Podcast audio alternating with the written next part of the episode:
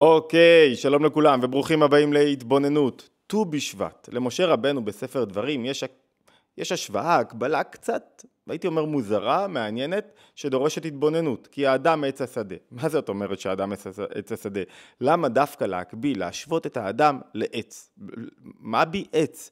למה לא להגביל אותי למשהו אחר? סוס, מרוץ, נשר בשמיים, כל כך הרבה דברים. הרי אנחנו אמורים להיות יותר קרובים לחי, בטח לחיים, יש בו תכונות נהדרות, מיוחדות, למה לא להגביל אותי לחי ולמה להגביל את האדם לאילן? מה מיוחד בזה?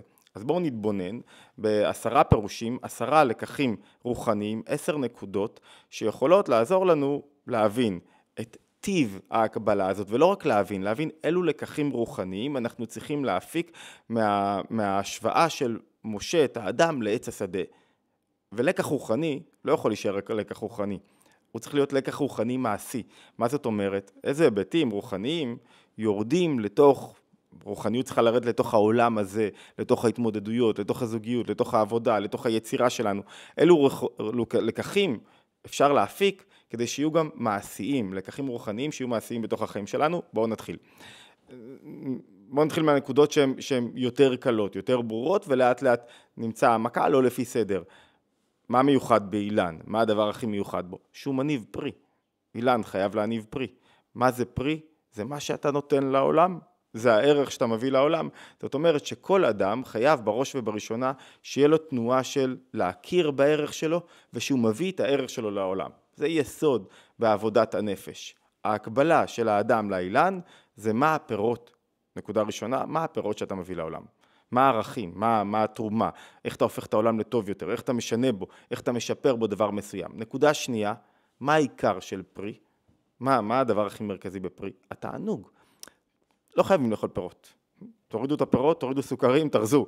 בפירות, בפירות יש משהו ש, שיש בו את עיקר התענוג.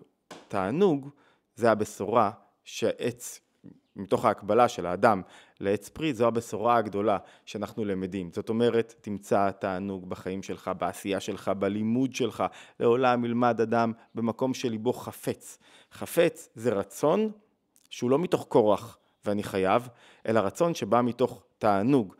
הייתי אמ, אתמול אצל מורים וניסיתי לשכנע אותם שגם מורה וגם שכיר, כל שכיר צריך לחשוב כמו עצמאי. מה זאת אומרת כמו עצמאי? לא לחשוב שמונה עד ארבע, שמונה עד חמש, שמונה עד שתיים. לחשוב איפה אני מפיק, איפה אני מביא את הערך שלי לעולם ואיפה אני מתענג על מה שאני עושה. עצמאי מונח במה שהוא עושה. מונח זה שלו. כשאתה חושב כמו שכיר זה לא שלך. וכשזה לא שלך אתה פחות יצירתי, פחות חי את הדבר, פחות, אה, אה, פחות מוצא בו את התענוג שלך. אחד הנקודות המרכזיות בט"ו בשבט זה שתהיה ברכה מכאן ולכל השנה, ראש השנה, למציאת תענוג בלימוד שלנו, בחיים שלנו, בכל מה שאנחנו עושים. ולכן, יש כתוב במסכת משנה אה, ראש השנה, כתוב שיש ארבעה ראשי שנים שסופרים.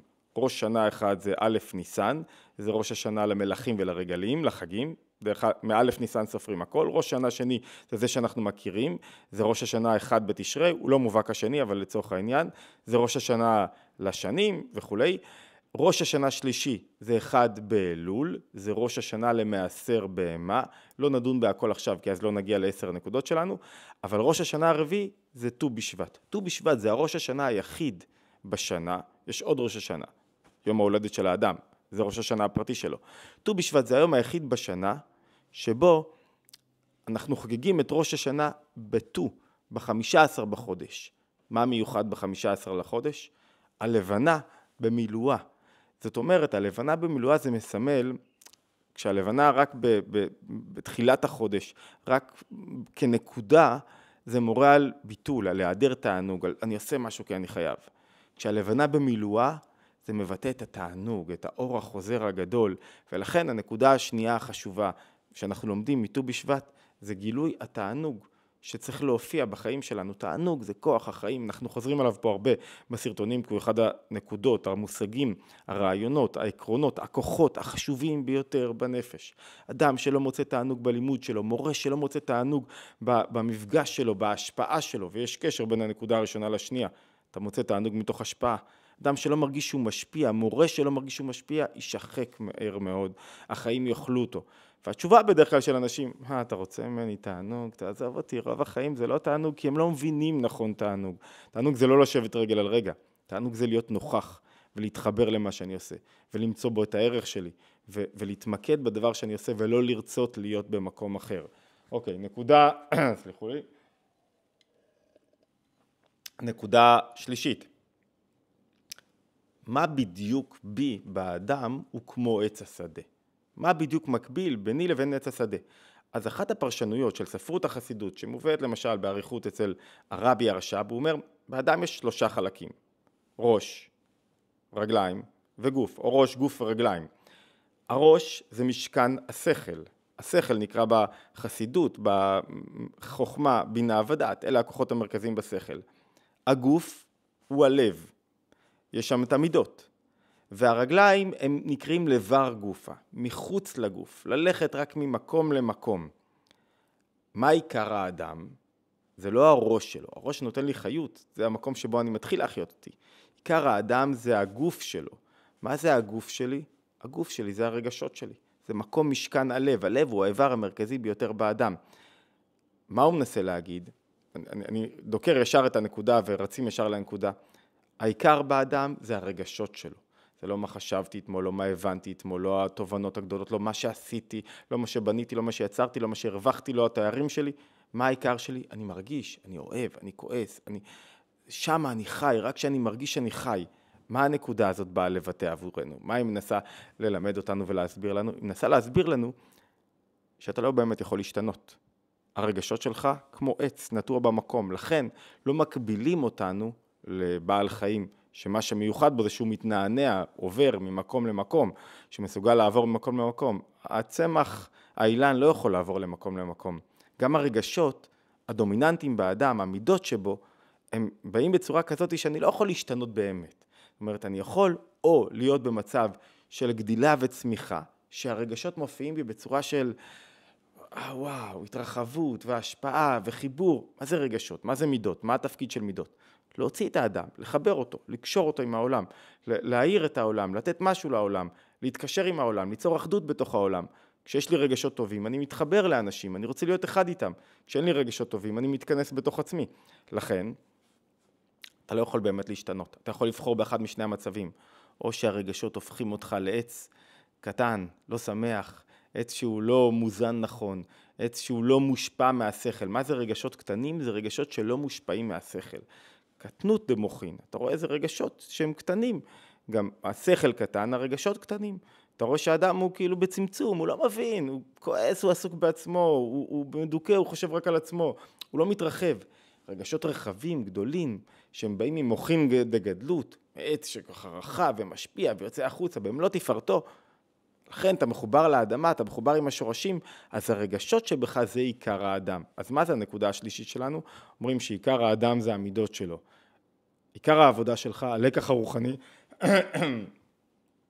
זה לעבור מרגשות שבעצם אני לא מחוברים לשום דבר, קטנים, לא מוזנים, לא משפיעים החוצה, לא מביאים פרי, לרגשות שהם כן מושכים אותי, להאיר את העולם, לתת לו צל, לתת לו פירות, לתת לו משהו מסוים, לעבור לרגשות גדולים שהם מושפעים מהשכל, מהתובנות שלי. לכן עיקר האדם הוא הרגשות שלו, ולכן הוא צריך לשים לב לרגשות שלו ולהיות מודע לאיך הוא מרגיש, זה בעל שם טוב קלאסי. האדם צריך להיות קשוב לעולם הרגשי שלו. נקודה רביעית, אי אפשר לעבוד על הרגשות בלי גינון. זאת אומרת, העץ לא יגדל כמו שצריך אם לא נגנן אותו. מה זה אומר לגנן? לנקש עשבים, לדשן, מים, אותו דבר גם בחינוך או בכל דבר אחר. התפקיד של העץ הוא יגדל ממילא, אתה צריך להכין את התנאים. מה זה אומר בפנימיות? עיקר העבודה היא לא אל הרגשות עצמם, אתה לא מטפל פתאום בחרדה או בעצבות ישירות הרבה פעמים, אלא בכוחות המקיפים, ואז ממילא הרגשות ישתנו. מהם הכוחות שמסביב לרגשות?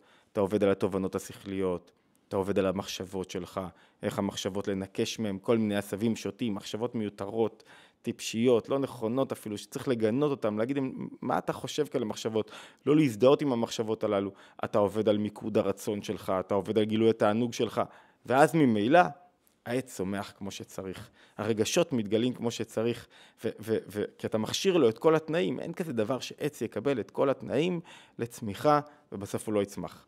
נקודה חמישית, אני מזכיר לכם באיזה הקשר אומר אה, משה רבנו, כי האדם יצא שדה, הוא אומר בספר דברים כי תצור על עיר ימים רבים, להילחם עליה, לתפסה, לתפוס אותה, לא תשחית את העצים שבה, ולא תשים עליהם, לא, לא, לא לנדוח עליו גרזן, כי ממנו תאכל ואותו לא תכרות.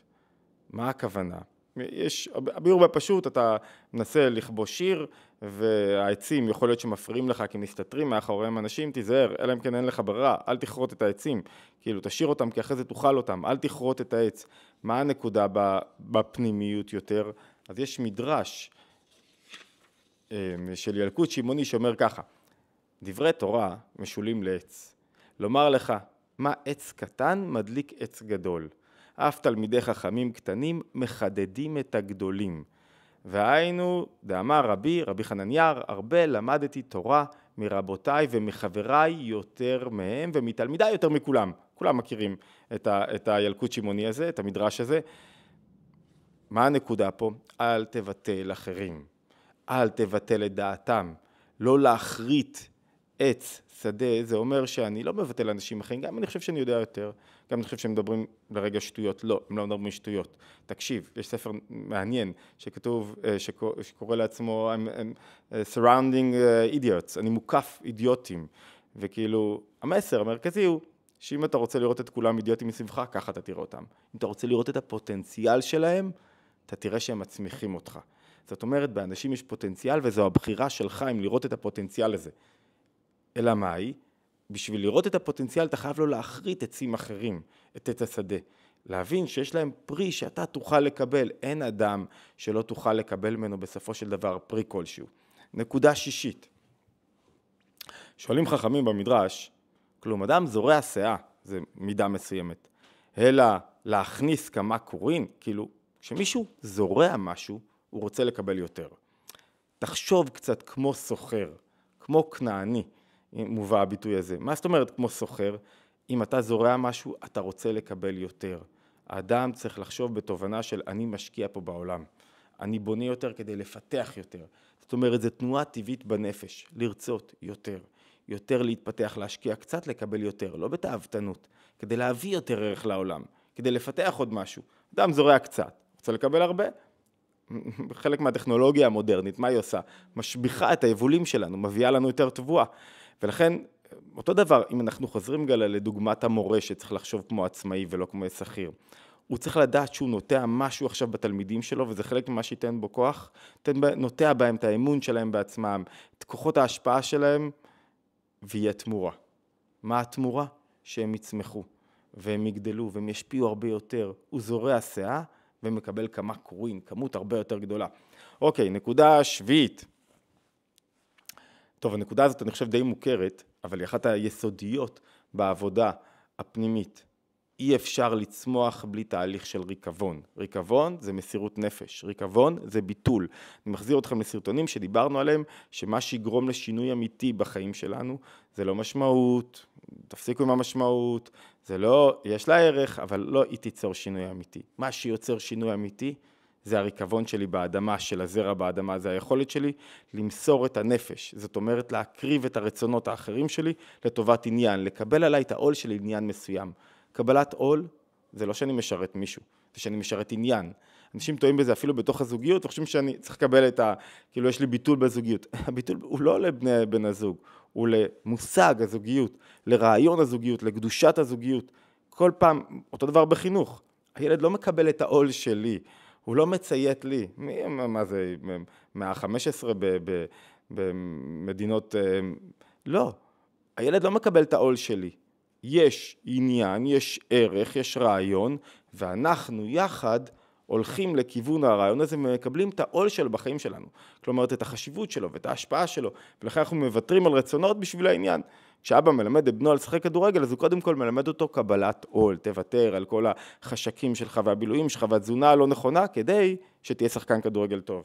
ואם הבן לא ילמד את סודות קבלת העול, מוכשר ככל שיהיה, לא יצמח ולא יתפתח. כלי לצמיחה, ריקבון באדמה, קבלת עול. ויש בקבלת עול עוד ממד שמדברים עליו באריכות, והוא נקרא לב נשבר. מה זאת אומרת לב נשבר? את בריקבון יש איזה מרירות, איזה משהו לא אני. כאילו, מריר לי ש, שעוד לא הגעתי, שעוד לא עשיתי. מרירות על הריחוק. זאת אומרת, אם אדם לא ירצה יותר, אם אין בו איזה, זה לא הלקאה עצמית, שימו לב, זו הבחנה מאוד דקה, אבל סופר סופר משמעותית. לא שאני מלכה את עצמי, אוי, לא עשית. אם אין לי קצת מרירות של אני רוצה יותר, אני גם לא אצמח יותר. תענוג ומרירות בו זמנית, כי התענוג מה מוליד? ביטול, אה סליחה, מרירות מה מולידה? ביטול, הביטול מוליד צמיחה, והצמיחה מולידה שמחה. שמחה. בסופו של תהליך יש שמחה אמיתית של האדם במעשה ידיו, אבל הוא חייב את התנועה הקלה הזאת, המאוד מוגבלת בזמן ובמקום של ביטול. אוקיי, נקודה שמינית, אנחנו רוצים על הנקודות, אבל כולן חשובות, ט"ו בשבט. מה שמעניין בין ט"ו בשבט לבין שלושת הרגלים האחרים, כי כל שלושת הרגלים האחרים קשורים עם בישול התבואה, עם, עם חגים חקלאיים במידה מסוימת, יש לזה המון פירושים פנימיים, שבועות, חג הקציר, אה, סוכות, חג האסיף, שאוספים את כל הפירות חזרה לתוך ה... אה, אוספים אותם ומשמרים אותם בתוך המחסנים, ופסח זה חג הבשלת השעורה. שעורה, מאכל בהמה, מוכנים. כולם בסיום של משהו. ט"ו בשבט הוא היחיד שזה חג מוזר, כאילו, מה, מה? מה חוגגים? מה? לא קרה כלום. רוב העצים אפילו עדיין לא חונטים, כאילו, אין, אין, אין באמת משהו שקרה. זה כאילו איזה קו גבול כזה בין כל מה שחנת בשנה הקודמת וכל מה שיחנות בשנה הבאה. לא, מוז, לא מובן עד הסוף. מה חוגגים בט"ו בשבט? דווקא לא את ההבשלה, לא את זה שמשהו מוכן, אלא לא את התוצאה, אלא את התהליך. מה זאת אומרת התהליך? ראיתי ביאור יפה של הרב ג'קובסון, שבכלל כדאי לעקוב עליו, אחד מגדולי ה, או המוכשרים והגדולים שבמרצים בתחום החסידות, למי שמתעניין בחסידות, בטח על פרשת השבוע. הוא אומר, אחד הדברים החשובים זה לראות את הפוטנציאל בכל אדם. כשאתה רואה את הפוטנציאל בכל אדם, כשאתה שם לב לפוטנציאל, אז אתה עוזר לאדם להבשיל טוב יותר, לצמוח יותר. ואני אגיד שראיתי במקום אחר, כתוב שכתוב, חכמים אומרים, אי עלמא דבי הילולה דמיא, העולם הזה דומה לשמחת חתונה. למה שמחת חתונה? כי כאילו כל דבר שאתה נפגש בו, יש בו איזה משהו, הזדמנות חדשה. הרי יש משהו, קצת, תסכימו איתי, קצת לא חכם בחתונה. למה? אנשים מתגרשים, כל זוג שלישי בישראל, אני יודע, 15 אלף גירושים בשנה, אז, אז לא אכפת לי לבוא לחתונות, באמת, אני עסוק, אבל לא אכפת לי לבוא. אבל אני אבוא לחתונה מתי? אחרי שהסתדרתם איזה 10, 15, 20 שנה, אז אני אבוא להביא צ'ק. מה הרעיון להביא צ'ק לפני, כשאתה לא יודע מה יקרה עם הזוג עוד שנה, איך הם יסתדרו. היי הלמה כבי הילול אדמי, העולם הזה דומה לשמחת חתונה, כי אתה סומך עליהם, ואתה סומך על הפוטנציאל שהם יגלו, אתה סומך על ההצלחה שלהם, אתה סומך על זה שהם יביאו את עצמם והם יצמחו ביחד ויקימו בית קדוש. אתה נותן להם קר בלאנג' כזה. אותו דבר כשאתה סומך על מישהו, כשאתה רואה את הפוטנציאל שבו, אתה רואה את האיכויות שבו, זה גם מה שיצא החוצה. ולכן החג הזה כל כך מיוחד.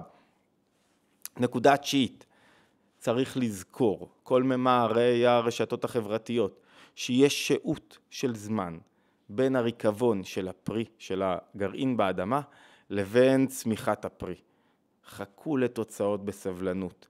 אין דבר כזה שמישהו ישקיע זרה ולא יהיו תוצאות. נעוץ סופן בתחילתן. השקיע, זרה, גינן, הסב, השקע, דישן ולא יראה תוצאות. אין דבר כזה. יהיו פירות, רק צריך סבלנות. לכל דבר, לכל עשייה, לכל התמדה. יהיו פירות בכל דבר שאתם עושים. נאס דיילי, אני חושב שאמרנו את זה פעם, חיכה, אני חושב כמעט שנה שלמה, כל יום העלה סרטון, עד שהפך לוויראלי. חכו, תעבדו, לאט לאט. לא לחכות לקפוץ מדרגות יותר מדי, ולפעמים זה גם מסוכן, כי זה יכול להביא לכם משהו שאתם לא מוכנים אליו בתחום הרשתות, פרסום, שאדם עדיין צעיר מדי לא מוכן אליו וזה משגע אותו ולוקח אותו מה, מהחיים הנכונים. ובסופו של דבר, התוצאה, הפרי הוא ללא ערך מההשקעה. מה עשית? זרעת גרעין. התוצאה הרבה יותר גדולה והרבה יותר משמעותית. אז חכו, סבלנות. נקודה עשירית, שאיתה אנחנו מסכמים, עשר נקודות, עשרה לקחים אה, רוחניים מט"ו בשבט, לקחים רוחניים מעשיים. הנקודה האחרונה היא למצוא את נקודת החיבור והאחדות בכל דבר. שמי שמואל אומר מאוד יפה, אומר, מה מיוחד בט"ו בשבט? אומרים בו תחנון, אבל למה אומרים בו, לא אומרים בו תחנון? למה? תחנון, למה? הרי מה קרה? אין ביום הזה לא קדושה, לא מצווה, לא נס אבו נס בט"ו בשבט, לא עניין מישראל, מענייני ישראל, אין בו שום דבר משמעותי. אז, אז למה דווקא ביום הזה לא אומרים תחנון? כאילו, למה פותרים אותך מתחנון? אז הוא אומר משהו כזה, הוא אומר משהו מיוחד בט"ו בשבט זה שהוא מחבר את הפרי לארץ. הוא ממוצע בין הארץ לפרי. בט"ו בשבט יש כוח המחבר. ו- ויש בו עוד רמז, הוא מוצא רמז בגימטריה, גימטריה של ט"ו בשבט, צדיק א', כמספר שני השמות, הוויה ואדנות. זה קצת למתקדמים.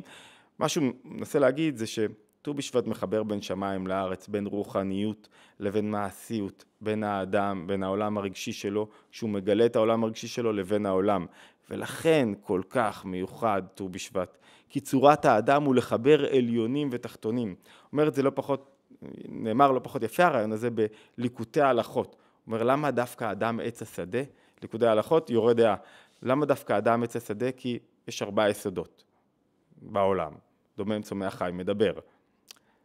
הצומח הוא היחיד שמחבר את הדומם עם החי והמדבר. למה? כי הצומח צומח מהאדמה והוא מחיה, אותו אוכלים, עליו מברכים את החי, את בעלי החיים. ואת המדבר, את האדם עצמו.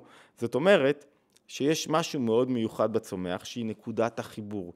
הוא מגביל את נקודת החיבור הזאת לוו שבשם הבורא י' ה' ו' וה'. הוו מחברת עליונים ותחתונים, כמו שאמר שם משמואל קודם לכן. ולכן הוו כלולה מהכל, נקודת החיבור כלולה מהכל. אז ט"ו בשבט עוד לא צמח כלום, עוד לא קרה כלום.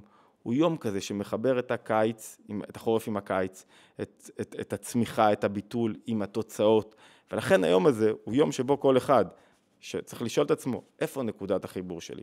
איפה הרגשות שלי מניעים אותי קדימה? נקודת החיבור עם העולם, עם אנשים, עם דברים, איפה אני מחזק את נקודת החיבור? זאת אומרת, הלקח הרוחני האחרון זה לשאול את עצמי, האם אני מתחבר למה שאני עושה, לעולם, לאנשים, זה חלק מנקודת ההשפעה, אבל מה נקודת החיבור המשמעותית? זה העניין של ט"ו בשבט, חיבור עליונים לתחתונים, רוחניות למעשיות, איפה תובנות שלי מחברות אותי לעולם? בדברים הקטנים, בהשפעה בבית, בזוגיות, ביחסים, בכל דבר שאני עושה, בלימוד, בעבודה. אוקיי, התבוננות יומית, ט"ו בשבט הפעם, אמ, מוזמנים לאתר התבוננות למי שרוצה מקורות, למי שרוצה להצטרף לקבוצות הוואטסאפ, יש שם לינק לקבוצת הוואטסאפ כדי לקבל עדכונים, ויש שם עדכונים לגבי אה, מגוון פרויקטים, הרצאות, סדנאות שנעשות בזום ומחוצה לו. שני דברים שאולי כדאי להזכיר, במרץ, בשביעי לתשיעי, אני כבר לא זוכר את התאריך, אמ, זה ממש כמעט ראש חודש אדר ב', יש אירוע מאוד מעניין אה, של שבת טבע, אירוע בריאות גדול בים המלח, ולפני כן, בראשון לשלישי, יש מפגש שלנו, אה, סדנה מיוחדת, תשע עד שתים עשרה, בזאפה, תל אביב, גני יהושע, שבו אנחנו נעסוק באיך להפוך חולשות לחוזקות בהרחבה. מוזמנים להצטרף אלינו, להשתמע בהתבוננות היומית הבאה, וכמובן, אל תשכחו להירשם לערוץ, הכי חשוב, פה ספוטיפיי איפה שאתם מאזינים, ולשתף.